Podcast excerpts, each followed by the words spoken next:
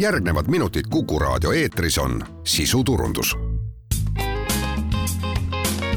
kindlustusminutid. saadet toetab Ergo kindlustus tere, head Kuku raadio kuulajad, eetris on kindlustusminutid ja me räägime täna õigusabikulude kindlustusest. mina olen Ingela Virkus ja koos minuga on stuudios Ergo õigusabikulude kindlustuse ärijuht Maigo Kalvet, tere! tervist!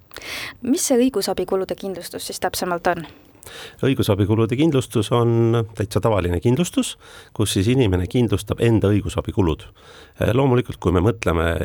et kas meil on elus õigusabikulusid olnud, siis noh, väga paljudel inimestel ei ole tulnud neid kanda, aga samas paljudel inimestel on õigusabi vaja olnud ja, ja see on ka see, ehk ta saab õigusabi, kui tal on see kindlustus olemas aga tooge palun mõned näited õiguslikust probleemist, millega siis on näiteks teie poole kõige rohkem pöördutud, et mis on need kõige sagedamini esinevad mured? kõige rohkem üllatav kombel on Eestis meil siiski töövaidlusi ehk eh, meie kliendid on eraisikud, kes siis on oma, omale selle õigusabi kindlustanud ja nende tööandjad siis käituvad nende suhtes ebaõiglaselt. kas ei maksta töötasusid nii nagu kokku lepitud, töösuhe lõpetatakse ebaõiglaselt või lausa esitatakse tööandjale mõni põhjendamatu nõue ja siis on alati ju töötajal vaja ennast kaitsta et töövaidlused on üllataval kombel kõige rohkem, aga noh, lisaks äh, hästi palju tarbimisega seotud vaidlusi, äh, ostutehingutes garantiivaidlused, äh, ka vaidlused kindlustusseltsidega samamoodi on need, mis inimestel on ja kus me saame aidata. ehk ütleme, enamus eraelus, tavalisel inimesel eraelus ette tulevad sellised olukorrad, kus tal vaidlus tekib, siis need on need, kus ka kindlustus saab aidata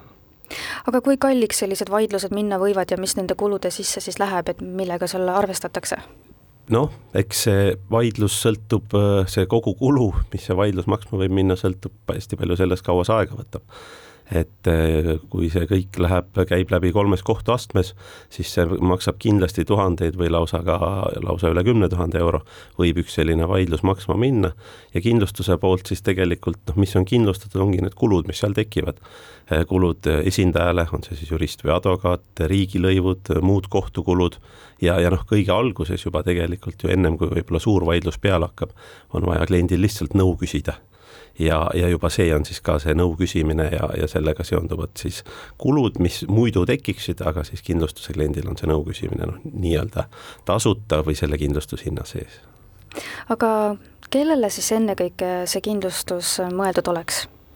täna Eestis me peamiselt äh, oleme suunanud oma toote eraisikutele, tavalistele peredele äh,, kaks täiskasvanut, lapsed, kodu, autod ehk kõik selline, selline tavaline keskmine pere,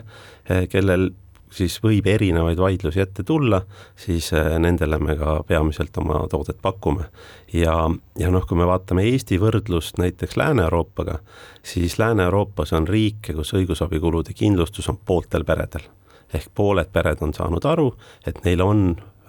juriidilisi probleeme äh, elus ja väga hea, kui selle vastu on kindlustus. noh, Eestis see veel nii levinud ei ole, aga, aga loodame, et see muutub ka aina tavapärasemaks et isegi kui ma olen, kui ma arvan, et ma olen tubli, loen kõik lepingud alati läbi, kelleltki ise midagi nõudma hakata ei kavatse, siis tegelikult võib ikkagi neid olukordi ette tulla, kus oleks vaja mingit sellist asjatundja tuge nii-öelda Äh, kindlasti, äh, vaidlusi, mis inimestel esineb, ongi tegelikult noh, nii-öelda kahte liiki, üks on see, kui mina kelleltki nõuan. Ja siin tõesti võib öelda nii, nagu te näiteks tõite, et noh, kui ma ikkagi äh, käitun teadlikult ja, ja inimesed saavad hästi palju, ise teha selle jaoks, et neid olukordi ei tekiks. aga noh, neid ei saa kunagi vältida. et jah, üks pool on see, kui mina nõuan ja see võib natuke alluda minu kontrollile, aga teine pool on see, kui ootamatult minult nõutakse. ja, ja siin noh, see minu kontrollile ei allu, ma tooks lihtsalt mõned näited, kus tõesti nagu minult ootamatult nõutakse, siis ähm, noh, vaadates, mis meil klientidel juhtunud on, näiteks ma müün maha oma kas siis kodu või auto, äh, müün ausalt, räägin kõik ära ja siis äh, ostja äh, hakkab ikkagi väidetavalt varjatud puudusi mult nõudma. või teine, mida ka üpris tihti on olnud, on see, et elan kortermajas ja alumise korteri kindlustusselts hakkab järsku nõudma minult väidetavate mingite kahjude tekitamist, mida mina tean, et minu korterist neid ei ole olnud, ja siis on jälle nüüd selle kindlustusseltsiga või siis alumise korteri naabriga, eks ka vaielda. et noh, need on paar sellist näidet, aga kindlasti neid olukordi võib teisigi olla, kus minult ootamatult nõutakse ja kui ma nüüd enda õiguste eest ei seisa, siis ma tegelikult pärast peangi need kulud kinni maksma aga aitaks selline kindlustus siis ka lihtsalt küsimuste korral, et kui mul ei ole otseselt veel mingit õiguslikku probleemi ega vaidlust, aga on lihtsalt küsimusi ja soov saada mingeid käitumisjuhiseid? täpselt nii, ehk tegelikult kohtusse päris lähevad vähesed inimesed, aga õigusnõu Äh, tahavad äh, inimesed äh, päris palju. mõnda aega tagasi me tegime ühe uuringu, mis kinnitas, et iga teine eestimaalane on siis viimase kolme aasta jooksul vähemalt korra tundnud, et tal on vaja õigusabi, tal on vaja nõu kellegiga rääkida ehk juristiga rääkida. ja see ongi tegelikult selle meie pakutava nii-öelda õigusabikulude kindlustuse põhiline sisu, et mul on õiguslik küsimus, tahaks helistada juristile noh, muidu ma peaksin kohe maksma, nüüd kui mul on see kindlustus, siis ma midagi lisaks ei maksa, ma saan juristi käest esmased nii-öelda õiged käitumisjuhised ja väga tihti juba tänu sellele, et ma hakkasin algusest peale õieti käituma, suurt probleemi ei tekigi. Kui ma nüüd ei küsiks kellegiga, laseks asjadel minna, siis võivadki asjad suureks ja kalliks minna. ehk seda nii-öelda telefoni teel nõu küsimist kasutatakse noh, kümme korda rohkem, kui päriselt on vaja kohtusse minna aga kui nüüd sealt küsimusest edasi ühel hetkel ikkagi tekib äh, suurem probleem, läheb vaidluseks, tuleb minna kohtusse ja nii edasi,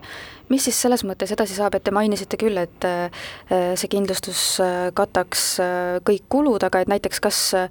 advokaadi leidmisega aitaks ka? noh, kui advokaat on vajalik, siis saame meie aidata leida, saab ka klient ise leida, noh, väga tihti vaidlustes ei pea advokaat olema, piisab ka väga pädevast ja professionaalsest juristist, aga jah, ütleme seal kohtus siis kõik need kulud, mis tekivad, need, need on see, mida kindlustus katab ja noh, tegelikult väga tihti kui kliendil on kindlustus ja kui see vastaspool, kes siis on meie kliendile nüüd liiga teinud, saab aru, et äh, kliendil on selja taga kindlustus, mis tähendab, et see on raha, see on kompetents ja teadmised, äh, siis need vaidlused lahenevad võib-olla juba ennem ära. see vastaspool kas siis hüvitab selle, mis ta pidi hüvitama või ei nõua enam seda, mis ta algselt mõtles nõuda. ehk ta saab aru, et kui see olukord, kus tihti see klient, eraisik on nõrgem pool, sest tal ei ole juriidilisi teadmisi, tal ei pruugi raha olla, see olukord muutub tänu kindlustusele on eraisik äh, võrdne partner sellele vastaspoolele ja, ja asjad lahenevad palju kiiremini kui aga inimene, kellel on õigusabikulude kindlustus, kaotab kohtus, kes siis kulud tasub või mis siis saab? kui see peaks juhtuma, et me lähme nüüd siis koos kliendiga kohtusse, esindame teda, oleme neid kulusid katnud ja siiski kaotame